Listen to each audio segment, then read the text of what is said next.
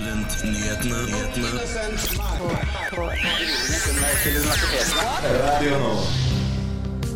Hei og velkommen på denne nydelige fredagen. Eh, sola skinner og våren er godt i gang, og det er klart for studentnyhetene. Eh, den hyggelige stemmen du hører her, det er meg, Selma Bull.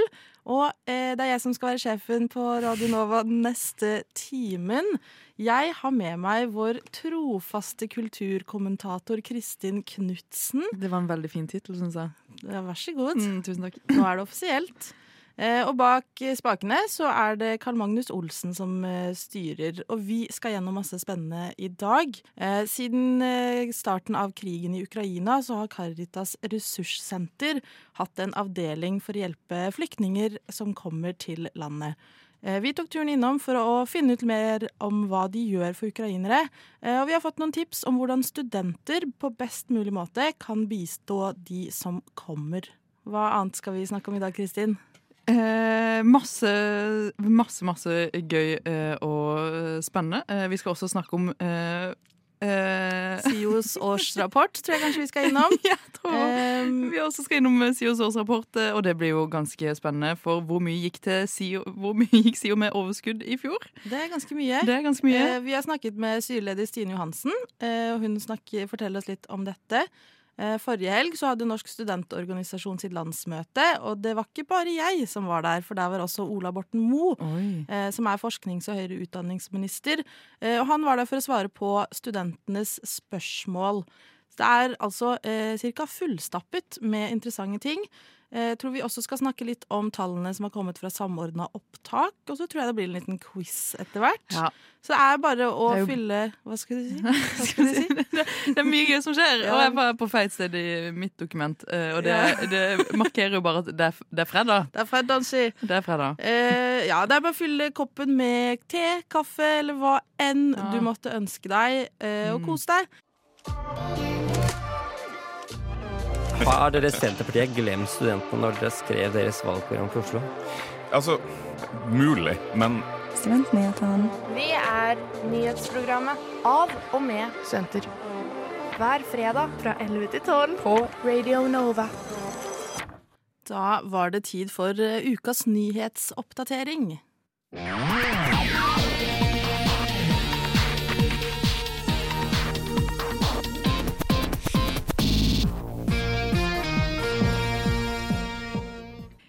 det er jo landsmøtesesong vi går inn i, og det er på tide med både utbyttinger og nyansatte i landets politiske ledelse. I helga så går FrPs landsmøte av stabelen, og det er den nyvalgte Sylvi Listhaug som skal få lov til å åpne FrPs landsmøte for første gang som partileder. Vi i Studentnyhetene gleder oss masse til dette landsmøtet. Ikke eh, kanskje helheten i seg selv, men de politiske referansene vi kan plukke ut fra festmiddagens tale. Og for å sitere Siv Jensen riktig, det er alltid en god dag å knuse disse jævle sosialistene, og det er noe som har blitt med meg helt fra sist landsmøte.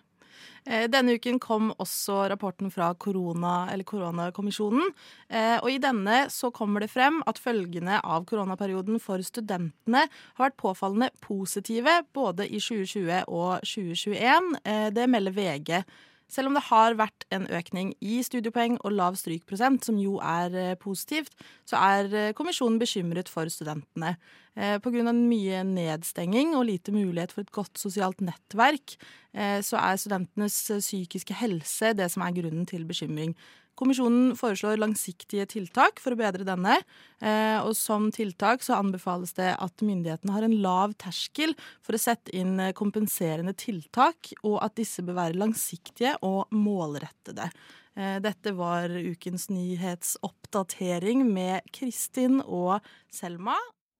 Nei, altså Vi skal fortsette å være en tydelig stemme. For studentene i Oslo. Og Akershus. Det er jo ikke alle som merker det. Studentnyhetene. Vi fremmer studentenes interesser. En av de mange frivillige organisasjonene som bistår i Ukraina-krigen, er Caritas. Studentny Studentnyhetene har snakket med to frivillige som eh, arbeider der, om hvilket arbeid de gjør, eh, samt hvordan studenter kan engasjere seg både gjennom og utenfor organisasjonen. Det er i dag 65 dager siden den russiske invasjonen av Ukraina begynte. Fem millioner flyktninger er på flukt fra landet, ifølge FN, og situasjonen er vedvarende kritisk og dramatisk. Studentnyhetene har tidligere snakka med Røde Kors Oslo om deres arbeid og hvordan studenter best mulig kan bistå i krisen som nå skjer i Ukraina. Denne gangen har vi snakka med Caritas Norge. Jeg heter Lina, og jeg presenterer Caritas Norge. Jobber som frivillig her. Jeg er også kommer fra Vest-Ukraina, en naboby til Lviv Trenobyl. Og har bodd i Norge 13 år. Jeg heter Oksana og så representerer også Caritas Norge. eh, Og er opprinnelig fra Ukraina. Der vi kommer jeg. Mesteparten og har bodd i Norge i tolv år nå. Caritas er den katolske kirkens hjelpeorganisasjon. Siden krigens start har de satt opp en avdeling på sitt ressurssenter på Grünerløkka med frivillige som tar imot henvendelser både på ukrainsk og russisk. Ukrainske flyktninger i Norge har mange behov. De får det fleste på mottaket. Mat og tak over hodet og de nødvendige ting. Men vi bistår med informasjon som de måtte trenge. Denne avdelinga fungerer som en hjelpetelefon for de ukrainske flyktningene som er og vil komme til Norge. De opplever mange henvendelser, og nummeret til Caritas sprer seg raskt. Mange i Polen tar bl.a. i bruk deres gratis WhatsApp-tjeneste for å finne ut hvordan det fungerer i Norge. Informasjonsbehovet til flyktningene er stort, og Caritas svarer på det de måtte lure på. De er litt forvirret hva som skal forvente dem. Hvor lang tid vil det ta? Kan de jobbe? Får de norskkurs? Hvor de skal eh, bo? Sånne ting. Samtidig som de er glad for å være i sikkerhet, er de ukrainske flyktningene i Norge utmatta. Da de fleste ukrainere ikke kan engelsk, er språket et stort problem. Og Det er derfor mange som ringer Caritas, og telefonen deres er bemanna fire dager i uka. Altså, vi har behov for flere fri frivillige. Så hvis studenter har lyst, de kan melde seg frivillige ved å ringe. Spesielt hjertelig velkommen de som ukrainske og russiske. Caritas sier at de etter hvert planlegger å utvide sin virksomhet også til å være bistående på mottak. Det er viktig å hjelpe ukrainere til en mer normal hverdag her i Norge. Når Caritas kommer seg på mottak, vil en av de viktige bidragene studentene kan gjøre, være å leke med barn og ønske familiene velkommen til byen. De fleste flyktningene er kvinner med barn, og de på en måte er som vanlige barn, de vil leke. Så jeg tror det kan være veldig godt bidrag fra studentenes side. Kanskje organisere litt uh, turer i Oslo, vise litt frem, finne litt info om gratis f.eks. aktiviteter for barn. Oksana og Lina nevner også demonstrasjonsdeltakelse fra studenter som en stor hjelp for ukrainere. På Facebook-gruppa Den ukrainske foreninga i Norge publiseres det info både om demonstrasjoner, men også andre ting som ukrainere nå trenger.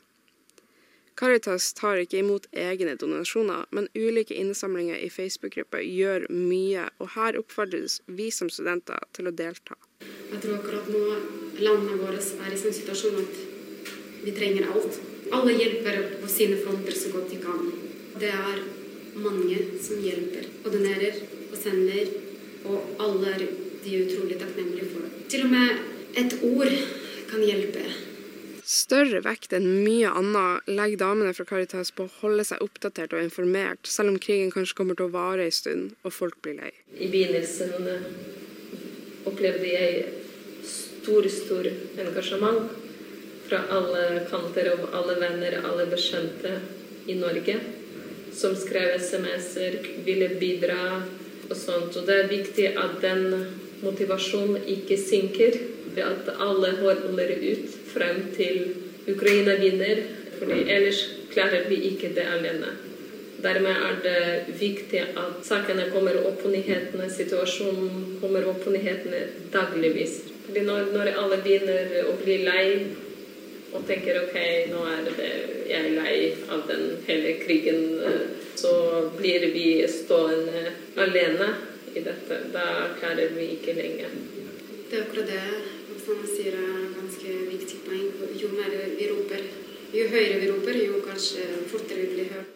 Hvis du etter å ha hørt det her har lyst til å være frivillig hos Caritas, så kan du melde deg frivillig på deres nettside, eller søke opp Caritas på frivillig.no og registrere deg der. Så vil de ta kontakt med deg når de trenger deg. Takk til Lina, Oksana og Caritas Norge. Reporter i saken var Ingrid Karoline Karlsen. Du lytter til Radio Nova. Hvor mye gikk SIO med overskudd eh, i fjor, og hva skjer egentlig med disse pengene? Hva tjener direktøren for SIO, og hva legger SIO vekt på når de setter den lønnen? Dette og mye mer skal du straks få svar på. SIO kom ut med sin årsrapport for 2021 forrige uke. Vi i Studentnyhetene har snakket med styreleder Stine Johannessen for å snakke om dette. Gjennom flere år har ulike medier snakket om lønningene til den administrative direktøren for SIO. Fra august 2021 fikk SIO ny direktør, Andreas Berggren Eskelund. Årsrapporten viser at Eskelund får en årslønn på 1,8 millioner kroner i året. Som ligner den tidligere direktøren for SIO sin lønning, som bl.a. studentparlamentet har satt seg kritisk til. I 2018 uttalte daværende leder av Venstrealliansen seg slik til Universitas at lønningen ikke burde være mer enn tre ganger gjennomsnittet til SIO sine andre ansatte. Direktøren sin lønn har vært kritisert fordi at den har en lønnsvekst som er mye høyere enn gjennomsnittet. Hva er det dere baserer den nye direktøren sin lønn på? Ja, altså Først så, så lurer jeg litt på hvilke gjennomsnitt man baserer seg på. Hvis man ser litt Eh, på stillinger eh, både i Samskipnads-Norge, men òg eh, stillinger med tilsvarende ansvar, da, så ser man jo at de lønningene er jo ganske, ganske mye høyere. Men altså, SIO sin strategi der er jo at vi skal ikke være ledende på lønn. Verken på, på ledernivå eller i andre stillinger. Men grunnen til at vi legger oss på et Eh, på, et, på, det nivået som vi legger oss på, er jo at vi må være konkurransedyktige for å få den kompetansen vi trenger for å fylle, fylle de rollene som, som, er i ledergruppen. Studentnyhetene har denne våren laget en sak om det som for mange studenter er svært høye priser på SIO sine spisesteder. Eh, altså vi, vi, prøver å holde så lave priser som mulig eh, for studentene. Både Eh, på en måte på kantine og på ellers i driften vår. Eh, men så går det jo på en måte på at vi eh, skal jo ha Maten skal være god, og den skal være bærekraftig. Gjennom SIO er det flere studenter som leier boliger. Hvert år blir leien satt opp ifølge prisindeksen. I år går den også opp fordi det har blitt en økning i de administrative kostnadene for boligene. Slik argumenterer SIO på hvorfor prisene er slik de er på boligene. Eh, og så er jo det at Vi prøver å holde leieprisene eh, så lave vi kan. Eh, og I år så er det en ekstraordinær økning eh, på drifts- og vedlikeholdskostnader som gjør at eh, vi må sette den litt høyere. Men eh, vi ligger fortsatt vesentlig under det private leiemarkedet, og strøm er òg tatt ut av den beregningen. Så det er jo en kostnad som SIO tar på seg på vegne av studentene. I år har SIO et overskudd på 39,9 millioner kroner. Mye av dette grunner i salg av studentboliger i Nydalen. Om en tar bort dette, er overskuddet på 4 millioner kroner. Hva blir dette overskuddet brukt til? Absolutt alt kommer tilbake til studentene. Eh, vi, vi, opererer på en sånn måte at de inntektene vi får inn, det går direkte tilbake igjen til tjenestene våre. Eh, det er ingen på en måte som sitter på toppen og tar ut noe utbytte, noe overskudd eller noen ting, men alt eh, føres inn igjen tilbake gjennom eh, F.eks. i år så skal man eh, satse mer på grunnervelferdstilbud og eh, satse på å gjøre Oslo til en bedre studentby. Eh, så vi har satt av eh, overskuddet i fond for å kunne underbygge det arbeidet.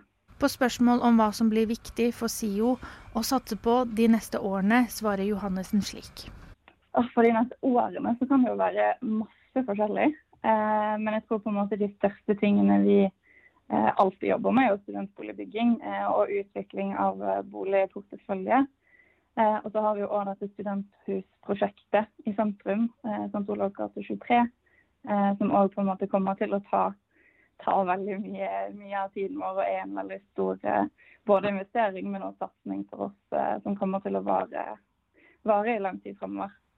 For visse studenter kan SIO virke litt uoversiktlig grunnet deres mange tilbud. Eh, jeg tror det å bare ha den tryggheten av at du har et velferdstilbud i ryggen når ting går litt trått. Når studiene blir litt vanskelig eller du trenger et sted å bo eller en plass å spise eller møte nye venner, så, så har du en organisasjon som driver med akkurat de tingene og kan hjelpe der det trengs. Vi har alle et forbedringspotensial. Hva mener SIO at de kunne gjort bedre for sine studenter? Altså, det er helt som du sier, altså helt riktig. Det er alltid mulighet for forbedring. Eh, og det vi på en måte har lagt veldig mye vekt på både i det siste, men òg som vi skal gjøre fremover, er jo dette her med bærekraft. Eh, og legge til rette for at studenter og studentlivet skal bli mer bærekraftig både, eh, både økonomisk, men òg miljøvennlig og, og, alle de tingene der. Og så tror jeg òg at spesielt sett i lys av pandemien, at SIO kan støtte mer opp under frivillighet som har hatt, uh, hatt, det veldig tøft under de to siste årene med pandemi. Uh, så, så, tror jeg at det, det, er ting vi kan uh, jobbe med å intensivere og få, få virkelig opp på beina igjen. Tusen takk til styreleder for SIO Stine Johansen. Reporter i denne saken var Sigrun Tårne. Vet du hvor mange ganger student står i deres Oslo-program? Det har jeg nok eh, ikke talt opp, eh, men jeg antar at dere har. Studentnyhetene. Vi er nyhetsprogrammet av og med studenter. Hver fredag fra 11 til 12 på Radio Nova. Hør på oss. Forrige helg var jeg på landsmøtet til Norsk studentorganisasjon. Eh, det var veldig mye spennende som skjedde der. Og de hadde et eh, aldri så lite besøk av forsknings- og høyere utdanningsminister Ola Borten Moe. Han har jo Studentnyhetene prøvd å få tak i ved flere anledninger. Og hvis du lurer på hva han svarte når vi spurte han hvorfor han ikke prioriterer studentmedia, så trenger du ikke å lure lenger, for det får du svar på nå. Forrige helg avholdt Norsk studentorganisasjon sitt landsmøte. Delegater fra forskjellige utdanningsinstitusjoner samlet seg i fire dager på et hotell i Tønsberg for å diskutere bl.a. handlingsplan, internasjonal plattform og resolusjoner. Det var selvsagt til tider litt debatt rundt f.eks. standpunkt om eh, aktiv avmelding når det gjelder utveksling, eller om det skal jobbes for at nødvendig informasjon på universitetene også skal oversettes til samiske språk, på lik linje som norsk og engelsk. Det første om aktiv avmelding ble for øvrig vedtatt. Når det kommer til resolusjonene til NSO, var det et forslag som het 'Norske studenter erklærer klima- og naturkrise'. Her ble det debattert om man skulle inkludere kjernekraft som et eget punkt i resolusjonen. Selv om selve resolusjonen ble vedtatt med noen endringer, ble ikke kjernekraft inkludert. På fredagen var også forsknings- og høyere utdanningsminister Ola Borten Moe invitert til å delta på en spørretime. Et av spørsmålene til statsråden dreide seg om det omstridte firerkravet i matte. Studenten lurte på hvorfor regjeringen har skrotet dette kravet i norsk lærerutdanning, og spurte egentlig rett fram om hvorfor de har sluttet å stille krav i norsk utdanningssystem. Vi har ikke skrota kravene, eh, men vi har eh, justert dem lite grann. På lærerutdanningene eh, våre så har vi flere studieplasser enn vi har, enn vi har opptak. Vi tror, og det tror jeg er veldig sterkt, at det er mulig å bli en god lærer uten at man har fire i matematikk. Det er det noen åpning for. Men det, det, er en annen vei. Og du må ha da, et litt høyere snitt enn hvis du har eh, fire i matematikk. En annen student tok opp studiestøtten og nevnte at grunnbeløpet i folketrygden følger som kjent lønnsveksten i samfunnet, i motsetning til KPI, eller konsumprisindeksen, som følger prisveksten i samfunnet. Han lurte på hva statsråden tenker om å heller knytte studiestøtten opp mot grunnbeløpet i folketrygden framfor KPI-en. Så er det det med knytting til grunnbeløpet istedenfor konsumprisindeksen. Det er jo selvsagt ikke en tilfeldighet at man nå har knytta det her til konsumprisindeksen og ikke til grunnbeløpet. Jeg vil si at kjøpekraftsutviklinga de siste ti årene for studenter den har vært i, i paret. Og i tillegg så er da studiestøtta eh, jevnt og trutt eh, utvida. Så det er ikke lenge siden den 11. Eh, måneden kom. Eh, så det har skjedd en utvikling. Det kommer sikkert til å skje en utvikling òg eh, i framtida. Men det her er jo et budsjettspørsmål som Stortinget er nødt til å ta stilling til hvert eneste, hvert eneste år. Det du gjør når du knytter det til grunnbeløpet, det er jo at Stortinget på sett og vis blir umyndiggjort. Du har ikke lenger den uh, muligheten til å regulere uh, som eh, man har nå. og I tillegg så vil det jo være sånn at jeg tror, altså jeg tror, Nå tar jeg på husken, men jeg tror differansen mellom det systemet vi har i dag med KPI og kravet deres om 1,5 G er ca. 2,5 milliard. Eh, 2,5 milliard eh, nå kommer åpenbart ikke til å skje. Eh, og det ville bare vært tull om jeg stå her og, og, og, og lovt bort det over bordet. Etter spørretimen fikk studentnyhetene mulighet til å stille sine spørsmål. Da spurte vi bl.a. om hvordan regjeringen jobber for at fulltidsstudenten skal være en realitet, med tanke på studiestøtte og jobb ved siden av studiet. Ja, nå viser jo Det som finnes av undersøkelser, viser jo at norske studenter jobber jo ikke vesentlig mer enn eh, studenter i andre europeiske land eller land som vi kan sammenligne oss med. Ser du på studiestøtteordningene under ett, så er de svært sjenerøse eh, i Norge. Men ambisjonen, eh, etter hvert som det er rom for det i, i budsjettene, det er jo selvsagt å se på hvordan det kan utvikles videre. Og det vi har pekt på helt konkret, det er jo den tolvte måneden for heltidsstudenter med forsørgeransvar. Studentnyhetene har ved flere anledninger invitert statsråden til intervju, noe han ikke har takket ja til. Vi spurte han derfor hvorfor det ikke ble prioritert å snakke mer med studentmedier som oss. Nei, har vi takka nei til? Vi har sikkert takka nei til det. Ja, da, ja. da må vi takke ja neste gang, da. Ja.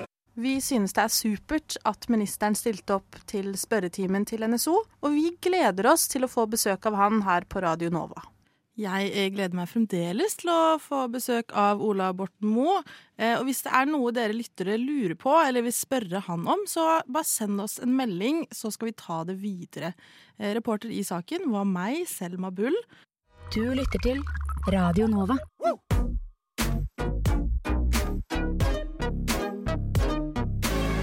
Radio Nova. Studentradioen i Oslo. Radio Nova. Ja. ja. Hva? Nova? Ja. Denne uken kom tallene fra sam, eh, Samordna, heter det, Mm. eh, opptak, eh, som forteller oss hvem Nei. Hva Hva forteller oss, eh, De Selma? forteller oss hvor, forteller oss? hvor mange som har søkt på de forskjellige studiene vi har her i Vårt det langstrakte langs- Norge. Akkurat det jeg skulle si. Nei. Er du også med i Senterpartiet? Nei. Nei, okay. Eller eh, uvisst. Kødda. Eh, ja, jeg tenkte det er jo hyggelig å snakke litt om det, og vi kan jo begynne med den, det studiet som har fått flest søkere. Kan jeg tippe? Ja. Lektor. Nei, men de Nei? har fått mange. Okay. Eh, Det har vært en oppgang der, Mm. men de har ikke fått aller flest. Eh, Det er nemlig eh, siviløkonomutdanningen ved Norges handelshøyskole i Bergen. Ja, ok. De har fått 2073 søkere. På hvor mange plasser? 500. Å, herregud. Så det er, det er jo en del som kommer til å bli skuffa. Å, Jesus. Eh, og jeg er spent, for vi har jo ikke fått vite hva snittene på de forskjellige eh, studiene kommer til Mm. å bli, men det her vil jo tilsi et ganske høyt snitt. Eh, v- Av typen 6,1, liksom?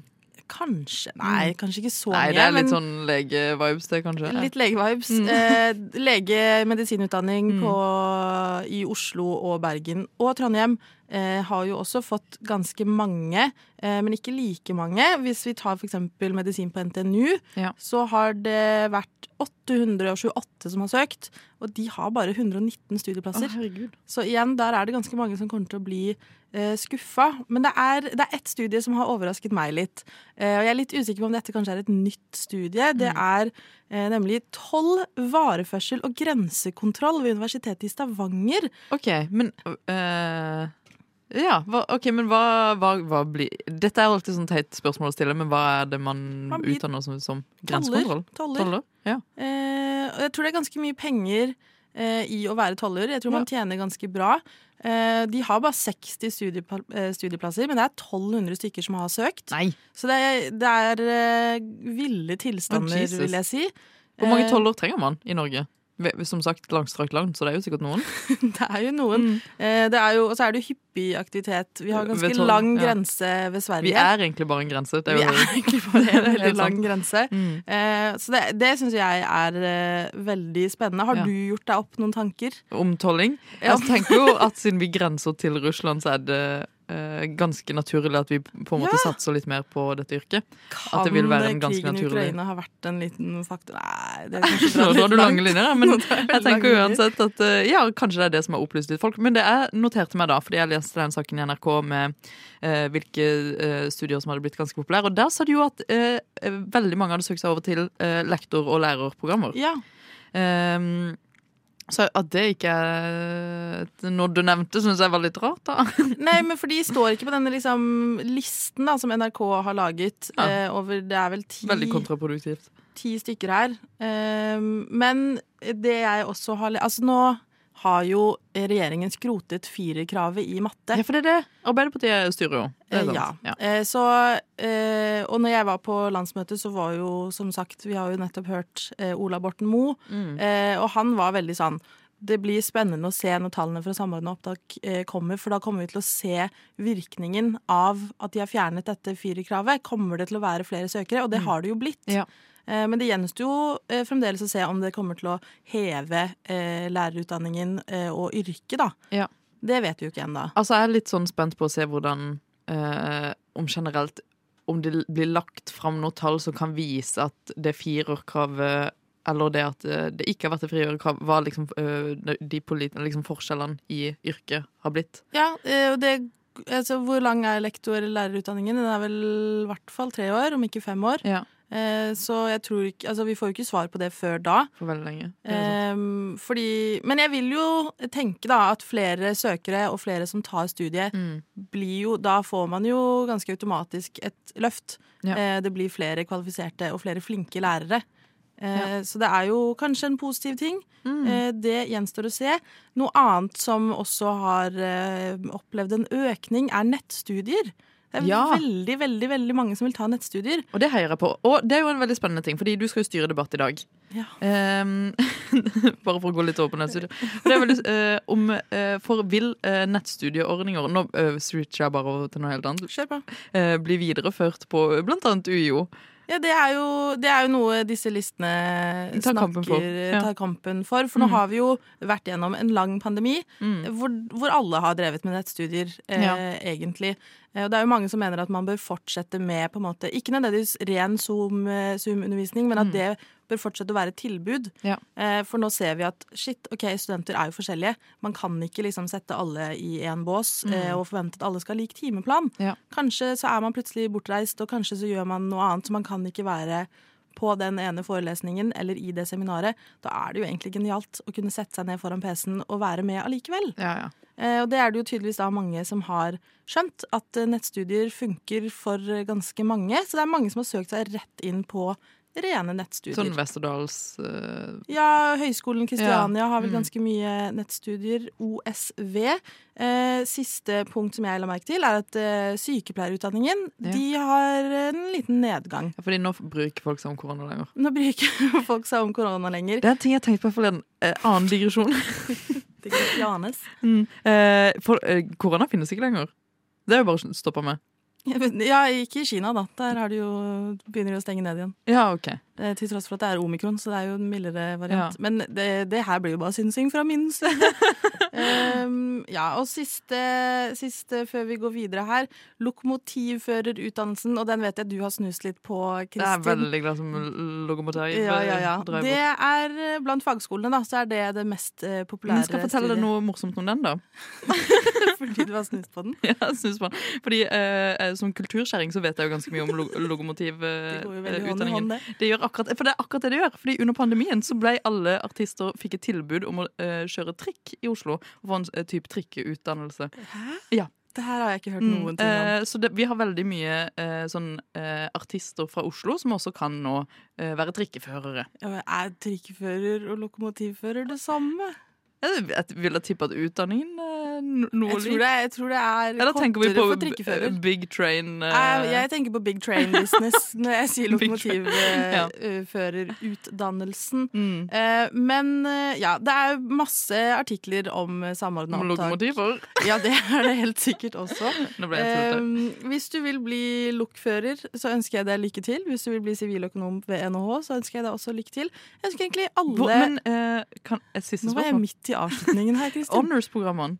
Eh, Det står ikke noe om de her. Nei, for de er lagt ned. Nei. De er ikke det. Nå skal du Det er noen som vil, da. Flere studenter venter akkurat nå. Og vi ønsker jo at det skal være sånn. Så vi håper dette her bidrar til å gi alle studentene en trygg og god start på fredagen. Tusen takk for at du har hørt på Studentnyhetene. Det er fredag i dag, og det betyr jo eh, som alltid her på Studentnyhetene, eller egentlig bare i dag, quiz. Mm. Og vi har med oss eh, Radio Novas egne personlige private quizmaster, Kristin Knutsen. For er det noe jeg er flink til, så er det å eh, uttale ting i quiz feil. feil, ja. Ja, feil. Det Ikke, åpenbart ikke riktig. Nei. Er du gal? Eh, når det kommer, nå har jeg med den vanskeligste tongue twister-quizen som jeg holder i min hånd. Du har ikke laga den sjæl? Jeg har ikke laga den sjøl. Du kan høre litt på hva det kommer fra. Det kommer fra en god papiravis. Og ingen annen papiravis enn uh, Morrabladen. Eller Morgenbladen. Morgenbladet. Morgenbladet.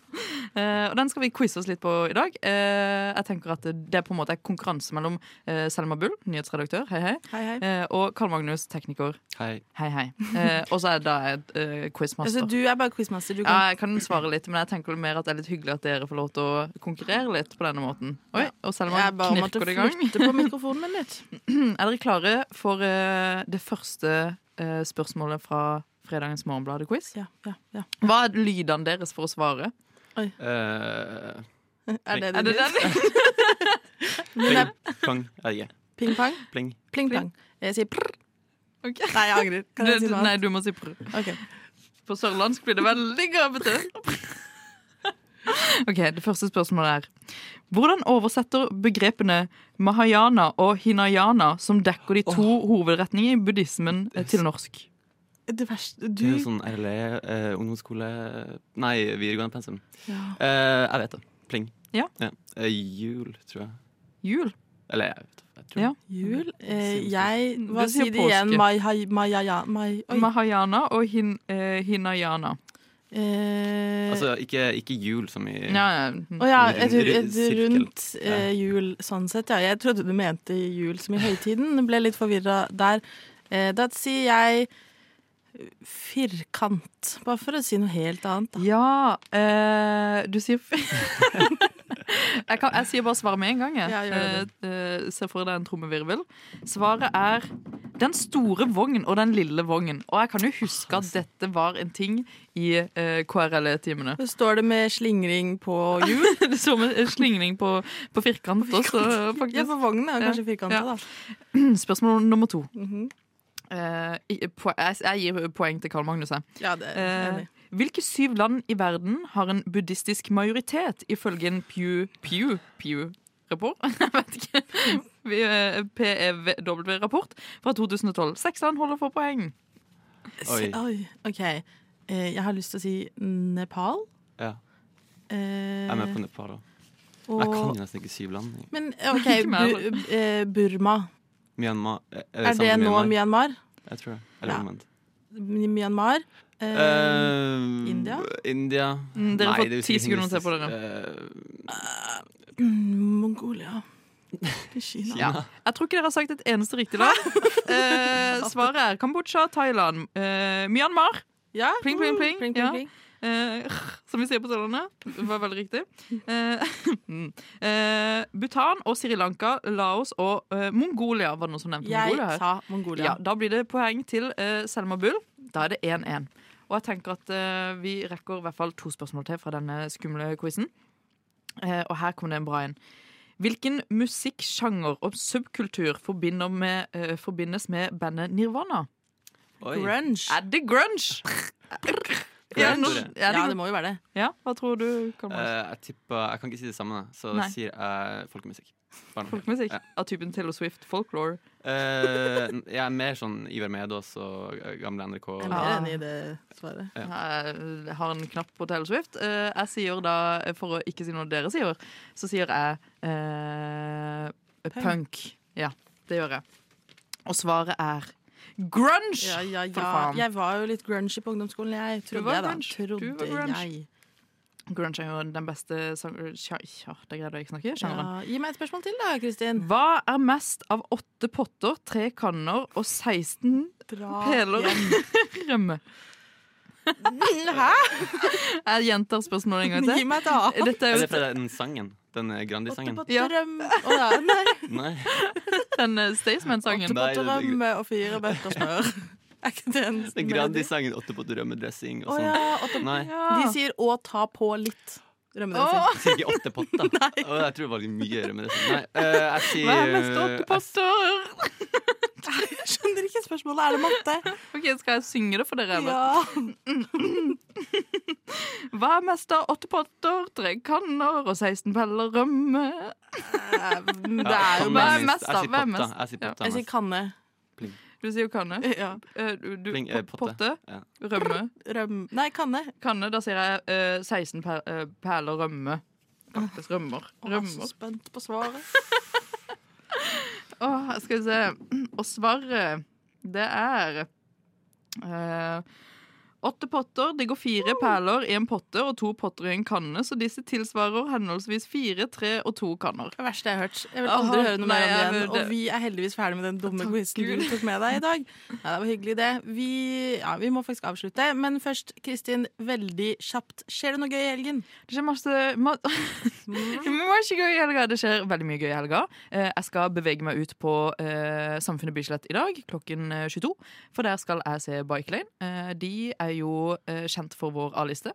Eh, og jeg gleder meg veldig til å høre på eh, Orange, tror jeg den sangen heter. Det aner jeg ingenting om.